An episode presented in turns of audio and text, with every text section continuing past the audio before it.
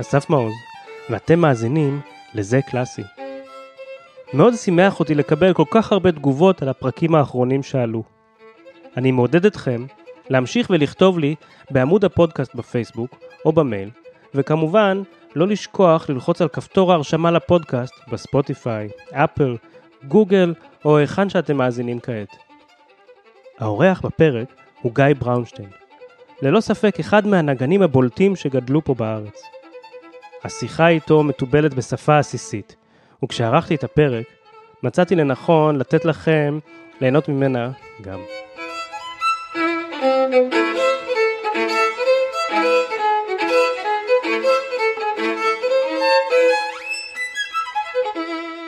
שלום חברים טובים, אני גיא בראונשטיין, כנר ומנצח. אה, אה, אני עכשיו פה בהיכל התרבות עם הפילהרמונית הישראלית אה, בשני הכובעים, גם בתור כנר, גם בתור מנצח. בשבילי, כל פעם שאני מגיע, מגיע לעיתים קרובות לאחרונה,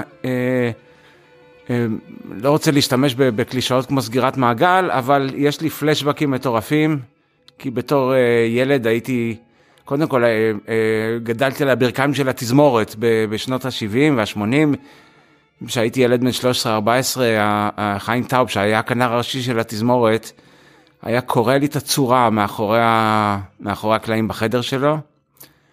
אה, צועק עליי, צורח עליי, שובר כיסאות. נקווה לפחות שהיה לזה סיבה טובה. חיים טאוב היה פה בבניין הזה סוג של, של אגדה, סוג של גם אימה מהלכת, אבל גם בעצם היה נחשב לאחד מהמנהיגים הכי חזקים של התזמורת המון המון שנים. הוא היה יותר כנר בעיניך, או יותר מורה, או מוזיקאי, איך הוא נתפס בעיניך? הוא, הוא מסוג האנשים, אה, אין הרבה כאלה, ש, שמאוד קשה להגדיר אותם. מאוד קשה להגדיר אותם, אה, אתה צריך להסתכל על זה בצורה הוליסטית. הוא חיים טאוב. זה הרבה יותר מאשר כנר, זה הרבה יותר מאשר נגן ראשי, זה הרבה יותר מאשר מורה. אה, זה הרבה יותר מאשר מודל לחיקוי, הוא פשוט הוא. פשוט הוא. ואיש אה, קשה מאוד, אבל מצד שני אה, אין מישהו שמשקיע ואוהב את התלמידים היותר מוצלחים שלו יותר מאשר הוא. אז באמת חיים בנה פה דורות על גבי דורות של כנרים נפלאים, אתה ביניהם. והוא עדיין מלמד בגילו, אני חושב שהוא בן 95. 5. אמ, אתה חושב שזה, שזה בעירה פנימית כזו של להעביר, להנחיל מורשת של כינור לדורות הבאים?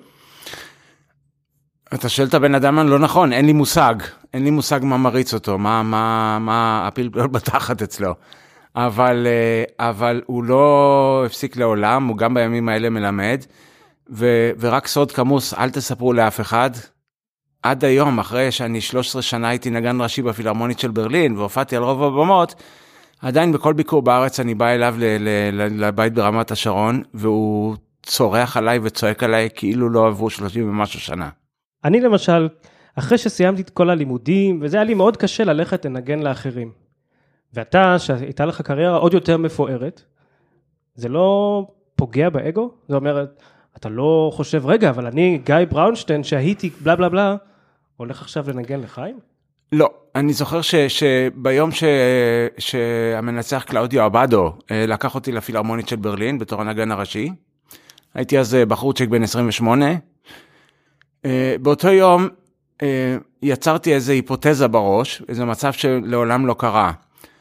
אבל אמרתי, הטייטל, התואר לפני השם והתפקיד, לא משחק תפקיד, כי אם יש ילד מהכוש של האימא של קריית שמונה, בן, אה, בן 15, אה, שינגן את הקונצ'רטו של מוצרט מספר 5 יותר טוב ממני, אז הוא הרבה יותר חשוב ממני. אז בוא נשמור על צניעות. כל אחד מאיתנו קם בבוקר, מוציא את הכינור ומתחיל מאפס. אתה עדיין מוציא את הכינור כל בוקר ומתחיל מאפס? כן, כן. אני שמעתי מס, מספיק, הייתי, הייתי עד ל... ל לסצנות ששמות גדולים ואגדות בעולם, אה, אתה יודע, לא, לא השקיעו באופן מיוחד, הם חיו מהשם שלהם. אה, בשנים יותר מאוחרות אה, ניגנו נורא ואיום, ואנחנו היינו צריכים לחייך ולהגיד שזה היה נהדר. נשבעתי שאני לא אהיה אחד מהם. כל יום אני מתחיל מאפס. זה מזכיר לי איזה שיחה שערכתי פעם עם, אה, עם צוקרמן, שאמר לי בדיוק את, את הכיוון הזה, הוא אמר, אם אני לא מחזיק את הכינור ביד מדי יום, לפחות שעה או שעתיים, אז אין סיבה שאני אמשיך לנגן כינור. אתה מרגיש אותו דבר? זאת אומרת, מבחינתך זה... אני חושב שה, שהאינסטינקט שלו דומה במובן הזה. אגו זה לא דבר רע, אם מתעלים אותו למקום הנכון. אה, אני חושב שצוקרמן לא יכול לסבול את המחשבה שמישהו יכול לנגן משהו יותר טוב ממנו. אבל זה, זה נותן לו את הבעירה הפנימית. להמשיך ולהחזיק את, ה, את, ה, את הרמה ואת הנגינה המדהימה שלו. נכון. בעצם גם הוא היה מורה שלך באיזשהו שלב, לא? נכון, נכון. כשהייתי כבר בשנות ה-20 בניו יורק, גם הוא היה מורה שלי לתקופה. אז בעצם התמזל מזלך ופגשת אוסף של מורים שהם אה, נחשבים לקליבר הכי גבוה שיש למורי כינור בכלל, אני, אני מניח בחמישים שנה האחרונות. זה אומר שאתה מתכנן להיות אחד המורים האלה בעוד 50 שנה? אני לא יודע, אני, אני לימדתי uh, כזה ב-on and off לסירוגין בברלין, ובאקדמיה של הפילהרמונית של ברלין על שם קריין, ועכשיו לפני חצי שנה התחלתי ללמד בבית ספר הגבוה למוזיקה בבאזל בשוויץ. Uh, זה היה איזה אלתור של תקופת הקורונה. אני מסתכל על זה הרבה יותר אה, בזכוכית מגדלת ומנסה בפינצטה לקחת תלמיד מנקודה א' לנקודה ב', אה, בצורה הכי חלקה שאפשר. מה אתה חושב שהוא הדבר, או שני הדברים הכי חזקים, הכי חשובים, ש, שחיים יכול להעניק לתלמידים, שמבחינתך הם הדבר, שהפך אותו לכנראה מנטור או מורה לחיים עבורך? זה מורה לטווח ארוך. הוא מלמד אותך, הוא, הוא, הוא משאיר לך מטען עצום לחיים. אתה לא יכול ללמוד במשך כך וכך שנים את כל הרפרטואר ואת כל היצירות שקיימות בספרות לכינור. אה, צריך לחיות 400 אה, שנה בשביל זה. אה, וגם אז זה לא יספיק. אבל הוא תוקע לך טוב טוב בראש את כל הכלים שיהיו לך, שאחר כך, אחרי כמה שנים ש, שאתה נמצא איתו ועובד איתו, אז אתה תדע לפתוח את הפרטיטורה או את התווים, ולחשוב בעצמך. אז פה אני רוצה לגעת רגע במקום הזה של היית אצלו כנער, היית אצלו כנער מתבגר. באיזשהו שלב הקמת יחד עם כמה חברים רביעייה. אה, זה אפילו היה אולי אחרי הצבא, אני חושב שהקמתם את רביעיית הוברמן. הרבה אחרי הצבא, כן. ואני חייב לגלות לך שוב עוד איזה משהו קטן. כשהרביעייה שלי פה בתזמורת הפילהרמונית חיפשנו שם, רצינו לקרוא לעצמנו רביעיית הוברמן. כי... יאללה, תפאדל, קחו את השם. אבל אי אפשר היה, המותג כבר תפוס, תפסתם אותו. וניגנת עם עוד כנר, אה, שלצערנו נפטר לאחרונה, יונתן בריק. כן. כנר נהדר. ויש ביניכם, בין שניכם, קווים מקבילים בעיניי ביופי ובאושר של הצליל, ביכולת להביע רעיונות מוזיקליים, אבל יש לי תחושה שהדרך שבה אתם חושבים על מוזיקה היא מאוד שונה. נכון. עכשיו, במקרה שלך יש לי תחושה, תקן אותי אם אני טועה, שהדרך מחשבה שלך היא מאוד אה, אנליטית, אתה מאוד מנתח את העניין לעומקו, ואז אחר כך איכשהו מצליח לפתח רגש על האנליטה, האנליזה. נכון ולא נכון. אה... את כל האינפורמציה ואת האנליזה צריך uh, לתקוע טוב טוב בראש, uh, להכניס את זה למחזור הדם. אבל שואל, לפני שעולים לבמה חייבים לשכוח מזה. חייבים לשכוח מזה. ואיפה למדת את האנליזה הזאת? זאת אומרת, זה, זה טבע שלך? אתה, אתה מרגיש שאתה תמיד אצלך היה קיים? כן. היכולת לקרוא פרטיטורה ולנצח, לנתח את ה, מה שמתרחש מולך בתווים? כן, אני מרגיש חייב לעצמי את זה. אני חייב, אני לא ארגיש טוב עם יצירה אם אני לא אעשה את זה. אבל כל האינפורמציה הזאת, אה, מה שנכנס, נכנס, ואז, אה, ואז אה, לפני שעולים לבמה, שותים את האספרסו האחרון, לוקחים שחטה, עולים לבמה ושוכחים מהכל. שוכחים מכל הדברים האלה. עכשיו, ברור שמטען מסוים נשאר. אני מקווה שהרבה. מהניתוחים ומה... ומה טיפולי שורש שעושים לכל יצירה ולכל פרטיטורה. מה שנשאר נשאר, אבל, אבל אה, אני מנסה שעשר דקות לפני שאני עולה לבמה, פשוט לשכוח מהכל. ולנסות uh, ליצור איזשהו קסם בספייס מסוים ברגע מסוים. עכשיו, או שזה קורה או שזה לא קורה, אבל, אבל כל מה שלמדת ותכננת, אה, ותכננת וניתחת, אה, הוא צריך להיות מאוחסן טוב טוב בתת מודע. וכשניגנת עם יונתן, כן. כשהוא, בעיניי, תתקן אותי אם אני טועה, הוא לא היה אולי אנליטיקאי כזה גדול, אבל היה יכולת להביע רגש בצורה אדירה. הוא היה אנליטיקאי הרבה יותר טוב ממני. אהה, כן, הייתי לפעמים הולך, הולך אליו בשביל לקבל עצות. אה, היינו, היינו הנגנים הכי שונים שאפשר לתאר, ומצד שני, אף פעם לא היה לנו, לנו מספיק אחד מהשני לנגן ביחד. זה חידה בעיניי. דרך אגב, אה, לפני חודשיים איבדנו אותו, ואני עדיין בשלב ההכחשה המוחלטת. אני מסרב, מסרב אה, לקבל את העובדה הזאת. אני יכול להבין אותך, באמת אה, אחד הכנרים הכי נהדרים שיצא לי לפגוש במהלך ה... ואנשים, ואנשים, אני הכרתי. אותו, אנחנו מכירים, הכרנו מגיל, בוא נאמר, 10 שלי, 13 שלו היה מבוגר ממני בשנתיים שלוש. אחד מהאנשים שהיו כמעט כל יום אה, שולחים אותך הביתה עם חיוך גדול, אה, נקרע מצחוק, אה, וכל כך אמיתי וכל כך כן ב- ב- ביחס שלו גם לחיים וגם למוזיקה, וכמו שאני אמרתי, אני פשוט מסרב לקבל את העובדה שהוא כבר לא נמצא איתנו. וכשניגנתם ברביעייה ביחד, אני זוכר את זה כ... כנער, היה משהו ממש אדיר ב... בהתלהבות שלכם מהנגינה. זה חסר לך? תשמע, אה, לא, לא, לא, לא מניח שגם אם היה אפשר היינו חוזרים לאותו פורמט בדיוק. אה, גדלנו ב-20 שנה או יותר, אבל אה, זה משהו שישאר איתי לתמיד, ה- ה- החוויות שהיה לנו גם על הבמה וגם, וגם אה, אה, מחוצה לזה. זה, זו הייתה חוויה מאוד חזקה, מאוד מעצבת. אה, אה, הייתה, הדינמיקה הייתה מטורפת. אנחנו היינו רבים כמו חבורת ערסים בבית מלון בקפריסין, זורקים דברים אחד על השני, צועקים, מנבלים את הפה, אני לא יכול אפילו לחזור לתת דוגמה ממשפטים שאמרנו כי תצטרך לצנזר אותי. אה, ואהבנו אחד את השני אהבת נפש, והסתובבנו בעולם והיה לנו bonding, אה, זה, זה, זה משהו שכנראה לא יחזור, אבל אה, להגיד שהייתי עושה את זה שוב, לא, החיים, אנחנו מתקדמים בחיים למקום אחר. חסר לי, חסר לי מוזיקה קאמרית בשנים האחרונות, אני עסוק מדי במשך השנה. זה בעיקר, אה, בעיקר קורה בקיצים. אה, אם למישהו מהמאזינים יש רעיון אה, איך למצוא יותר זמן מ-365 יום בשנה, תודיעו לי. אני פשוט לא מספיק, הלוואי, הלוואי, זה חסר לי נורא.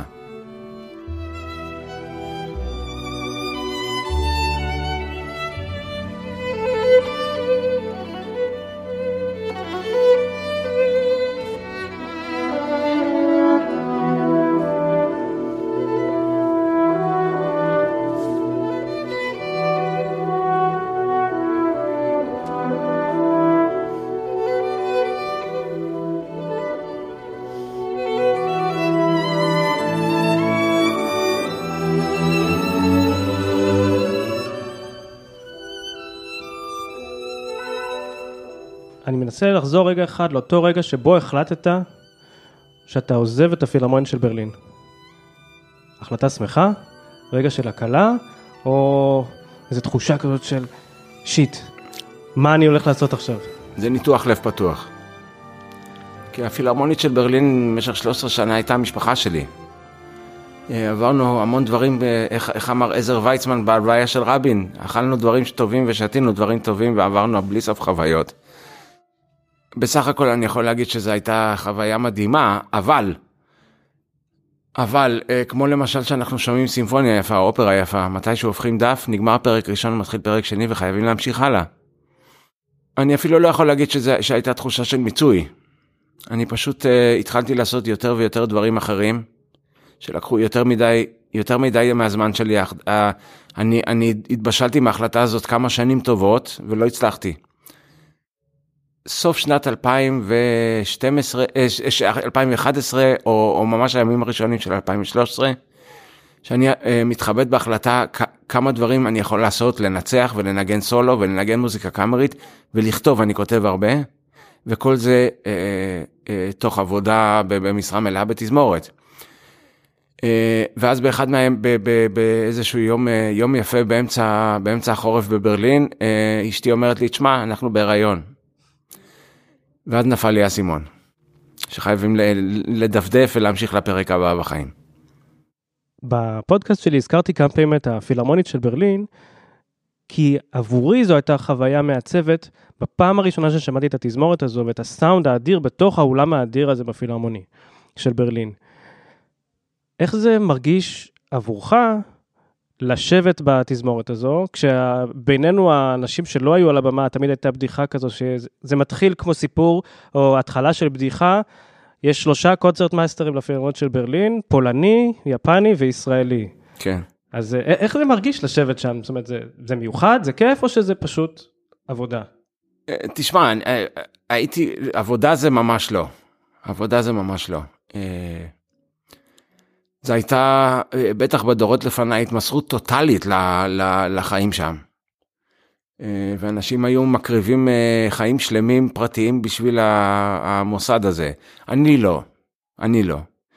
אולי זה עניין של, של, של, של דור אחר, אולי זה עניין של אישיות. ההתמסרות של האנשים שם היא טוטאלית. ושמנגנים קונצרט מחורבן בטוקיו. אחרי זה אנחנו הולכים ביחד לאכול או לשתות בירה, יושבים ושותקים עם פרצופי יום כיפור. באמת? כן, כן. אנשים לוקחים את זה קשה. יש גאוות יחידה שאין כנראה בתזמורות אחרות. ולמרות כל זאת, למרות כל זאת, כבעל ניסיון אני יכול להגיד לך למשל ש... שאני מגיע לפה לתל אביב לאותו, לאותו בניין ש, ש, שבו המורה התעלל בי מאחורי הבמה ואני שומע את התזמורת שלכם. אני, אני תוהה אם, אם, אם לא פספסתי את הצד הזה. מה, כלומר, מה יש פה שלא היה שם? אה, אני לא יודע, זה bonding מסוג אחר.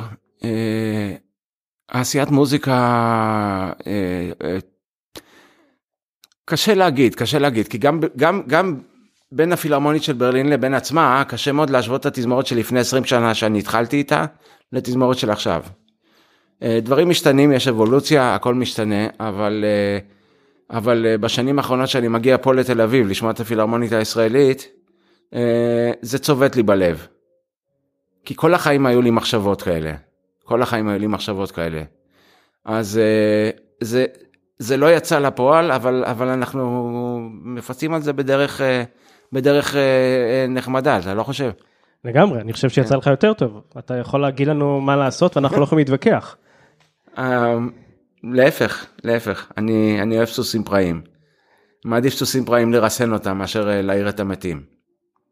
זה גם מה שזובין אמר פעם על התזמורת פה, הוא אמר שהוא אוהב שאנשים עונים לו בחזרה. אולי לפעמים יותר מדי, אבל עושים את זה. קיבלתי לפני uh, כמה שבועות שאלה ממאזין מאוד צעיר של הפודקאסט, שהוא כנר, לומד כינור בתהליכי ההכשרה שלו. הוא שאל אותי, את אסף, איך אני מתכונן לאודיציות. וניסיתי לענות בדרכי שלי, ואז חשבתי שאולי נשאל אותך, שאתה יותר מנוסה ממני, איך מתכוננים לאודיציה לפילהרמונית של ברלין. הרי זה בעצם בהשוואה זה נחשב לכביכול האודישן הכי גדול של חייך. או כן. אולי לא. זה היה האודישן היחיד שעשיתי בימי חיי. זה בעצם הכי גדול. כן. לא משנה, אבל יש לי רק ניסיון אחד. אני כמעט בתול בעניין הזה. אה, ושוב סוד לא לא לחלוק עם האחרים הייתי אה, אה, עישנתי משהו אסור לפני כן בבוקר ואת רוב הפרטים שכחתי הייתי ברקיע השביעי אה, אני מניח שהצלחתי להזיז קצת את האצבעות גם תוך כדי. אה, אין לי הרבה זיכרונות. אני, אני, אני, אני הבן אדם האחרון בעולם שיכול לתת לך תשובה כן איך מתכוננים לאודיציות. אני פשוט, אין לי כמעט זיכרון מזה. איך אתה מגיע למקום של חוסן כזה שבעצם זה נראה כאילו הכל קל, הכל פשוט. ההתרגשות היא תוצר לוואי שאני יכול להתמודד איתו בקלות. איך אתה עושה את זה? אה, ששיחקתי בקבוצת נוער, קבוצת נוער של כדורסל, שהייתי בן 14. המאמן אמר לנו שיש ימים שאתה זורק והכל נכנס. ויש ימים שלא משנה כמה זריקה קלה, שום דבר לא יעבוד. אה, הוא אמר אבל כשמשחקים בהגנה וצריך להשקיע את המאמץ, אין, אין ימים טובים וימים רעים. ואת הדוגמה הזאת אני לקחתי, לקחתי לכינור ולבמה. יש אספקטים שגם בימים ש, ש, שכל פסאז' יצא לך עקום ויצא לך הפוך. אה, יש ימים שפשוט אתה מרגיש אין מה לעשות, או ימים ש, שאלוהים מחייך אליך והדברים ש, שאפילו בבית לא הצלחת לנגן, הכל יוצא. בסדר, נגד זה אין הרבה מה לעשות ושווה לקבל את זה. צריך נאמר לעשות את, ה, את ההכנה המכנית הכי טובה שיכולה להיות, אבל אם תיתן את כולך ותנסה לגרום לאנשים, אה, לתת לאנשים חוויה שהם לא יוכלו לשכוח אותה, זה לא תלוי ברגע, זה תלוי בך. אה, ואני מניח שעם אותה גישה באתי לאודיציה. אמרתי, אני אתן לה, יושבים, יושבים פה הפרצופים החמוצים האלה, כל הנגנים של הפילהרמונית של ברלין, עם, עם, עם, אה, עם המנצח קלאודיו אבדו, אה, תוקעים עם מבטי עז, אני עכשיו אתן להם חוויה שהם לא ישכחו. אז אם יצאו לי כמה צלילים יותר או פחות, אני אקבל את זה. עשיתי, התכוננתי הכי טוב שיכולתי. אבל החוויה לא כל כך קשורה ל, ל, לדיוק הסופי הזה. היא, כל, היא באמת באמת באמת לא קשורה, ו, והמאזין ששאל אותך, כדאי שיכניס את זה טוב לראש. יש חוויה, חוויה רגשית, שאתה יכול לתת לאנשים, לק, לקחת איתם הלאה, או, ש, או שלא. אה, וזה הרבה הרבה הרבה הרבה הרבה יותר חשוב, גם בסיטואציה של אודיציה. אני יכול להגיד ש, שעשיתי רק אודיציה אחת בחיים, אבל ישבתי ב... אה, אה, בתור שופט במאות אם לא יותר אודיציות אחר כך בתור בתור קונצרט מייסטר בתזמורת. אני זוכר אני זוכר טוב טוב אודיציה ל, ל, לקבוצת קינו ראשון תותי. באו אנשים וניגנו הגיעה בחורה וניגנה את הקונצ'רטו של בטהובן. עכשיו אנחנו כולנו מכירים את הסולמות וה, וה, והטרצות וה... טרצות, טרצות לסירוגין יורדות אחרי בסך הכל 4-5 תיבות של נגינה. אה, הבחורה חטפה את הבלקאוט של החיים והתחילה לנגן משהו ששנברג אה, היה טוען שזה מודרניסטי מדי. מסכנה. לא היה לה שמץ של מושג באיזה סולם היא מנגנת. לא מצמצה, המשיכה לנגן, אה, אה, לקצר סיפור ארוך, אה, כמובן שהיא זכתה באודיציה, אה, כי אנחנו כולנו, כולנו בני אדם, אנחנו יודעים שה, שהדברים האלה, זה, הם יכולים לקרות. זה, זה, זה, זה יכול להיות אנקדוטה נחמדה ואני יכול להיזכר באיך שהיא הלכה לאיבוד ולחייך. אבל, אה, אבל זה לא, זה לא תרגיל התעמלות באולימפיאדה, שנפילה אחת אה, קובעת את גורלך, זה, זה לא. זה החוויה שאתה משאיר מאותו רגע ש, ש, ש, שקמת חזרה לרגליים. זה בסופו של דבר כל מה שנשאר ל, ל, ל, לשופטים. זה חוויה שמישהו נתן אחרת מאחרים. אם הוא קלה קלה לכמה צילים הקשים קצת יותר קצת פחות זה כמעט חסר משמעות.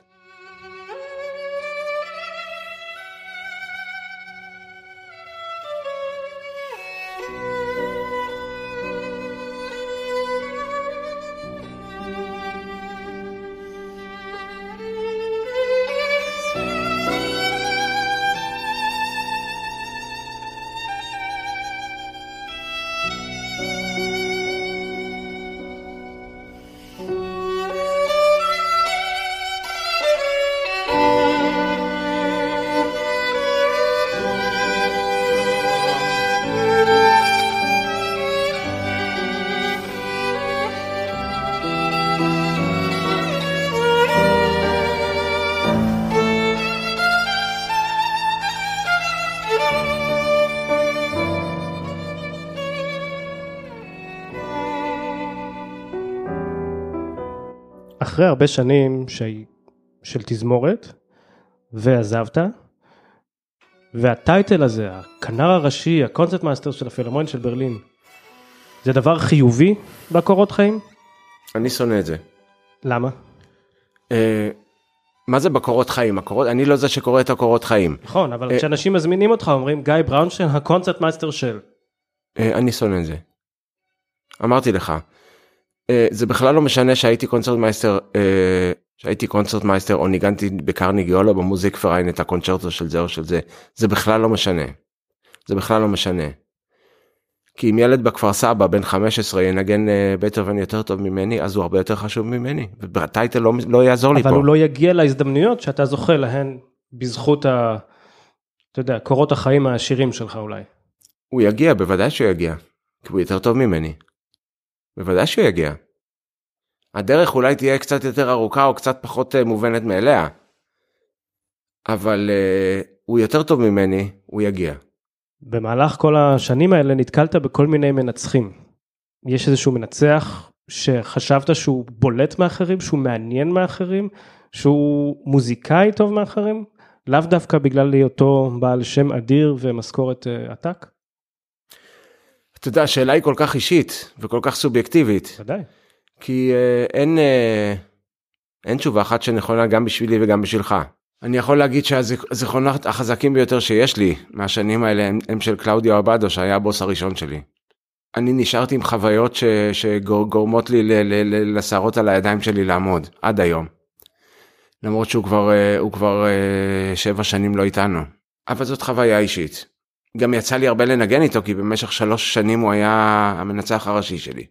ודווקא דווקא אחרי שהוא עזב את התזמורת אה, ושנתיים לא חזר לברלין, אחר כך נהיינו חברים קרובים. דווקא אחר כך נהיינו חברים קרובים. המשכנו לעשות מוזיקה בפורמטים אחרים ויש לי, לי חוויות מה, מה, מהאדם הזה שאני לא אשכח לעולם. להגיד שהוא ניצח על הסימפוניות, על סימפוניה השישית של בטהובן יותר טוב מברנבוים או, או מברנרד הייטינג, אני לא אומר את זה. זה פשוט, אה, זה, זה חוויה מאוד אינטימית ו, ואישית שלי. ויש לי כאלה מכמה מנצחים, מכמה וכמה מנצחים. זה משהו שישאר איתי. אני, אני, אני עד היום חולם עליו. העזת פעם לגשת אליו עם פרטיטורה כמנצח מתחיל ולשאול אותו שאלות? מה זאת אומרת? אני זוכר שעוד לפני שהייתי מנצח, שהייתי כנר בתזמורת, הייתי ניגש אליהם עם פרטיטורה ואומר לו, קלאודיו, מה לכל הרוחות אתה עושה? הוא לא, הוא לא היה... סקל אותך באבנים? לא, לא. הוא העריך את השאלה. אה, קודם כל כן, הוא העריך את האומץ, בוודאי. אה, הגעתי עם conviction ש... שיש לי על מה לרדת עליו. עכשיו, לפעמים הוא קיבל את דעתי ולפעמים לא, זה לא משנה. אבל הרגשתי... אה, אני תמיד הרגשתי אה, אה, מספיק בטוח בעצם בשביל לגשת אליו או לדניאל ברנבוים או, ל, או ללורן מזל ולהגיד איך שאתה עושה את הפרזה הזאת זה קשקוש. זה דורש חוצפה ישראלית או סתם? כן, פשוט... ברור, ברור, ברור. אני, אני, אני מנצח, מנצח או נגן מאנשי השוקולד מהמטוס. איך אתה מחליט פתאום שאתה כבר סולן וכנר ראשי ומנגן מוזיקה קאמרית למה צריך לנצח? מה פתאום הדחף הזה לעמוד ולא להשמיע צלילים? כן, אני אגיד לך שוב, זה, זה, זה, זה התחיל במקרה, זה התחיל במקרה. לא היה לי שום דחף לנצח לפחות שבע או שמונה או תשע שנים שכבר הייתי נגן ראשי בתזמורת, לא היה לי שום דחף לנצח. ואז קיבלתי טלפון מראש מחלקת, ה... ראש מחלקת הניצוח בבית ספר הגבוה האנס אייזלר בברלין. אמרו לי, גיא, הבוס שלך, סיימון ראטל, אה, עושה איתנו קונצרט עוד שבוע וחצי או שבועיים וחצי, אה, ופישל.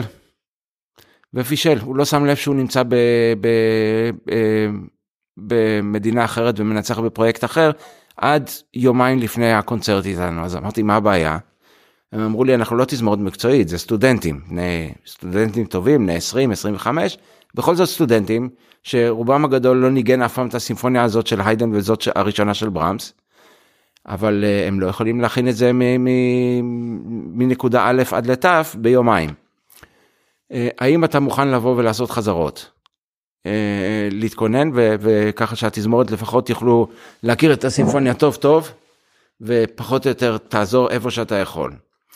אמרתי ברצון, בשמחה וברצון, ובאתי עם הכינור, לא באתי מתוך מטרה לנצח. אז עשיתי העברתי איתם כמה ימים, וגיליתי משהו נורא מעניין, שאני מצליח מאוד מהר אה, להעביר להם איך הם צריכים לנגן אה, מקום מסוים, אה, ומה אני צריך לעשות בשביל לקחת אותם שהם ינגנו את זה בצורה הכי טובה והכי יפה שיש, וגיליתי לתדהמתי שאחרי שלושה ימים ניגנו את הסימפוניה הזאת של ברמס ברמה כל כך גבוהה, עשינו דרך כל כך ארוכה, אמרתי רגע בעצם זה זה זה תפקידו של מנצח. אז זה התחיל במקרה. אה, אחר כך אמרתי נעשה ניסיון אחר כי תזמורות פנו אליי לעשות אה, פרויקטים הרבה שנים קודם. ואמרתי, טוב, פעם אחת נגיד, נגיד כן ונראה מה יהיה. וגיליתי שאני יכול, אה, לפחות מנקודת המבט שלי ולפי האוזן הערלה שלי, להביא תזמורת בכמה ימים מנקודה שבה הם מתחילים, עד לאיך שאני רוצה שהם ינגנו בסוף הפרויקט. אה, וזה בעצם ההגדרה של תפקידו של מנצח. ויש דברים שאתה יודע שנגני תזמורת לא אוהבים ולכן תעשה בדיוק ההפך כמנצח? לא, אה, נכון, אני בעבר שלי הייתי אחד מהטובים, אז היום אני אחד מהחבר'ה הרעים, אבל אה, אני עדיין זוכר טוב טוב, אני עדיין זוכר טוב טוב. ישנם מנצחים, אני לא רוצה להזכיר שמות, אה, שהם אגדות בעולם שלנו, שמות גדולים, עושים הצגה נהדרת ופשוט אה, ו- ולא מועיל, מועילים לנו בשיט, לנגנים בתזמורת אתה מהנהן. כן, אנחנו... אני מסכים איתך כן, במאה אחוז. כן, הקהל יכול להתלהב כי זה נראה, ויזואלית הם נראים נהדר. אבל בעצם, בעצם מה התפקיד של המנצח? הרי הוא לא שומעים אותו. הוא לא מוציא צליל. הוא לא מוציא צליל, הוא צריך לגרום לנגנים של התזמורת לנגן הכי טוב והכי יפה שהם יכולים. ופה מתחילה ופה גם מסתכמת העבודה שלו. כל השאר זה רק, זה רק פרפראות וקינוחים אם הוא נראה יותר יפה, או, ה, או האסתטיקה של הניצוח שלו יותר לטעמך או פחות לטעמך, זה, זה בסופו של דבר די חסר חשיבות. המנצח צריך לגרום לך בתור כנר שיושב בתזמורת לנגן הכי טוב והכי יפה שאתה יכול. ואם הוא מצליח לגרום ל, ל, ל, ל, לקבוצה גדולה או, או לכל הקבוצה של האנסמבל שמנגן לעשות את זה אז הוא מנצח גדול. יש כאלה שפשוט נראים יפה. מעניין לאיזה אסכולה אתה משתייך. אני לא יודע. אני, אני יודע לאיזה אסכולה אני רוצה להשתייך. זה לא, זה בשבילך להחליט, לא בשבילי. אם אני שומע ב, ב, ב, בחזרה האחרונה של תוכנית, בחזרה האחרונה, אם אני שומע את, ה, את הנגנים של התזמורת ורואה את המנגנים, ואני חושב, יותר, הם, הם, הם מנגנים באמת הכי יפה והכי טוב שהם יכולים, אז עשיתי את שלי.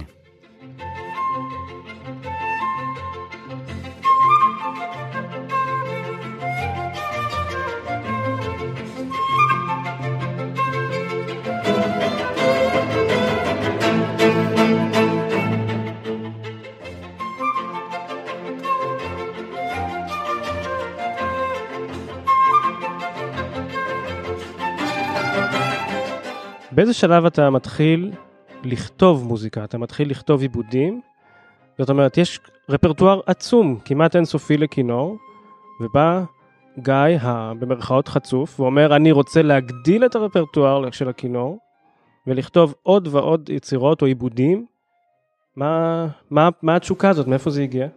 תראה, בעצם אף פעם לא, לא הפסקתי. אף פעם לא הפסקתי. היו תקופות שהיה לי פחות זמן להקדיש לזה. אה, אז היו לפעמים סטרצ'ים אה, של שנה שנתיים שלא לא הייתי נוגע בזה אבל בעצם אף פעם לא הפסקתי מאז שהייתי ילד בן 14-15 הייתי בא פה להיכל התרבות אה, שומע את ג'סי נורמן שרה וחוזר הביתה ומנסה לנגן את זה על הכינור ואומר וואי זה יכול לעבוד או שאולי זה לא רעיון טוב. ומשם מתחיל. בתור חייל ונגן ברביעיית צה"ל הייתי תחמן תחמן לא קטן.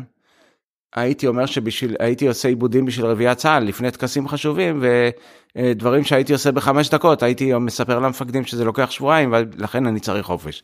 אה, ממש התחמן הישראלי המצוי אבל אני מעולם לא הפסקתי לעשות את, ה, את הדברים האלה וזה מאוד חשוב לי אה, אה, בעצם נגן הרבה נגנים נמדדים במה שהם משאירים אחריהם וזה חלק מזה.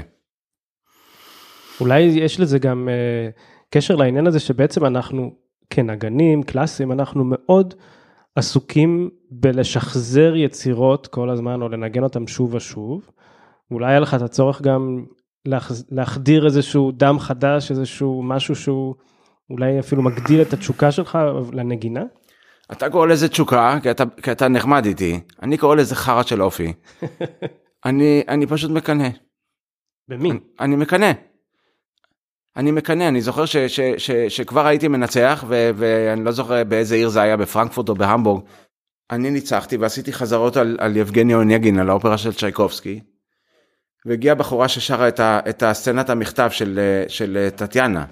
ואני עובד עם התזמורת ומנסה ללוות אותה ומוצא את עצמי כאילו נהיה ירוק מרוב קנאה, שאני גם רוצה את, ה, את, ה, את, ה, את מה שהיא שרה. אבל זמר אני לא, אז מה עושים? רצתי כמו טיל למלון אחרי החזרה, עם הפרטיטורה, הוצאתי את הכינור ואחרי שלוש שעות כבר היה לי לפחות התחלה של סקיצה. זה פשוט חרא של אופי. אני לא, אם אני שומע מישהו מנגן לכלי אחר משהו ש, ש, ש, שהייתי רוצה לנגן בעצמי, אני פשוט קנאי. השנה האחרונה, היא, אנחנו חיים באיזה לימבו כזה של הקורונה, ואתה אדם מאוד עסוק, אמרת שיש לך אוסף של דברים לעשות ב-365 ימים וזה לא מספיק, ובעצם פתאום בבת אחת יצא לך לבלות עם, עם גילי זוגתך ועם הילדים, איך זה מרגיש? טוב, זאת הייתה חוויה, אתה יודע שה, שהסיפור רק התחיל להגיע ל, ל, ל, לאירופה. אה, אני הייתי באמצע בסקנדינביה בסיור קונצרטים ובעצם אה, ככל שהקורונה התקדמה צפון אני ברחתי הלאה וניצחתי על הפילהרמונית של הלסינקי אה, בתוכנית ש, ש, שעושים את החזרות ואז יש קונצרט ראשון ביום זה קונצרט שני ביום זה קונצרט אחרון ביום ביום חמישי ואני זוכר אחרי הקונצרט הראשון או השני אני לא זוכר. לפני הקונצרט האחרון אני מקבל טלפון מהמנהל של התזמורת הוא אומר הממשלה הודיעה על סגר החל מהדקה הזאת שיהיה לך ערב נחמד קונצרט כבר לא יהיה. ואז ברחתי ליפן עוד ניגנתי קצת. אה, אבל בסך הכל אני זוכר הייתה תקופה של שלושה חודשים מאמצע מרץ עד אמצע יוני שלא יצאתי מהבית. או בעצם בעצם מה זה לא יצאתי מהבית אבל הייתי בברלין בבית עם המשפחה עם הילדים. ואני חייב להגיד שלתקופה מסוימת זאת הייתה מתנה ש... שאני לא זוכר כמוה זאת הייתה היו לפחות חלק מהתקופה הזאת הייתה התקופה הכי מאושרת בחיים שלי. אבל אז אה, ב... ב... ביוני התחילה העבודה לחזור ומאז בעצם כמעט ולא הייתה לי הפסקה. היית אז אולי משאיר עוד קצת קורונה כדי להישאר עם המשפחה? תודה נוותר על זה אבל אני חושב שלמדתי מזה שאני יכול אה, לקחת אה, כל שנה להרשות לעצמי לקחת איזה תקופה קצרה ולעשות את התקופה הזאת שתלך הקורונה לעזאזל אני אני אקח גם בתקופה הזאת יכולתי להרשות לעצמי להיות הרבה יותר יצירתי. אתה יודע שכותבים עיבוד לתזמורת שלמה זה, זה, זה סיפור שלוקח הרבה שעות. אה, נורא קשה לי לעשות את זה שאני נמצא בסיור או בחדר במלון ואין לי את הפסנתר שלי ואין לי את המחשב שלי. אה, פתאום היה לי זמן לזה. והיו לי תנאים לזה והיה לי הסטודיו בבית בשביל זה. אה, אז אני גיליתי שאני יכול את התקופות האלה לנצל להרבה מטרות ש, ש, שלא יכולתי לעשות במצב אחר. אני מקווה שלמדתי מהתקופה של הקורונה אה, גם את הדברים הטובים ועכשיו נוותר על הקורונה ואני אשתדל לזכור את זה. גילי זוגתך היא חלילנית. כן. אתה כנר. הילדים יהיו גם מוזיקאים? או שאתה לא מאחל להם את זה? לא מאחל להם, אני לא מאחל להם, הילדים יהיו מה שהם ירצו להיות. אה, ליאור, הילד שלי הוא כיום בן שמונה וחצי, אה, הוא אני חושב מגיל שלוש או מגיל ארבע אמר שה... שה... מה שהוא באמת באמת באמת רוצה זה להיות מדען. אה, אבל הוא ישמח כמו איינשטיין בזמנו לדעת לנגן. אז הוא לוקח שיעורים ולומד לנגן קצת ב... קודם למד קצת פסנתר, שעדיין הוא לומד, הוא ניסה קצת כינור, אחר כך הוא אמר שזה מצרצר לו מדי בראש, עכשיו הוא מנסה צ'לו, אבל הוא אמר כל זה נחמד מהצד, הוא, הוא, הוא רוצה להיות מדען ולא שינה את דעתו עד היום. הילדים יהיו מה שהם רוצים. פעם שאלתי את, אה, את קוואקוס, כשהוא מגיע לישראל, מה הדבר הראשון שהוא עושה? הוא אמר, אני מגיע לחזרה שלכם בדרך כלל, ואז מיד אחר כך בהפסקה הולך ואוכל חומוס. מה אתה עושה כשאתה מגיע לישראל? אתה, אתה שייך לפה, אבל אתה לא גר פה. מה הדבר הראשון שעושים כשבאים לארץ? קודם כל אני מבלה כמה שאני יכול עם חברים שלי שנשארו פה. באופן רשמי אני גר משנת 92 בחוץ לארץ. קודם באמריקה ועכשיו 20 שנה האחרונות באירופה. במובן, במובנים מסוימים אני, אה, אה, אי אפשר היה להוציא את ישראל ממני. גם אם אני פיזית הייתי נמצא במקום אחר, ועד היום אי אפשר. אני ישראלי לטוב ולרע עד העצם. אז אה, עם הפה הגדול, עם, ה, עם האופי המחורבן, הכל, אבל, אבל תדע, לחוצפה גם יש צדדים טובים. אז תשמע, בדרך כלל אני מסיים את הפרקים שלי בבקשה לאיזושהי המלצה תרבותית. אם יש לך, אולי אתה רוצה להמליץ על ספר, סרט, וואה, יש לי סלט בראש מכל הספרים והסרטים שאני ראיתי בשנה האחרונה, אז אה, אה, אני לא יכול להמליץ על שום דבר ספציפי. אבל אה, אם במקרה חלק מהמאזינים הם גם נגנים, אני יכול בחום להמליץ. לא צריך להתאמן כל היום. באמת שלא צריך. צריך להתאמן טוב, עם הרבה ריכוז, ובלי לרמות, אבל אין צורך בהרבה שעות ביום. ו... וכל השאר שהוא בעצם יותר חשוב זה לצבור חוויות בחיים. אז לכו לים, אולי תפגשו בחורה, תתאהבו, תנגנו יותר יפה. זה לא פחות חשוב. טוב, זה אחת ההמלצות הכי יפות שהיו עד עכשיו. אז אני לוקח את זה בשתי ידיים. אה, גיא, תודה רבה שהתארחת בפרק. המון תודה. מצפה לקונצרט שלנו ביחד. אני אקרא לכם את הצורה.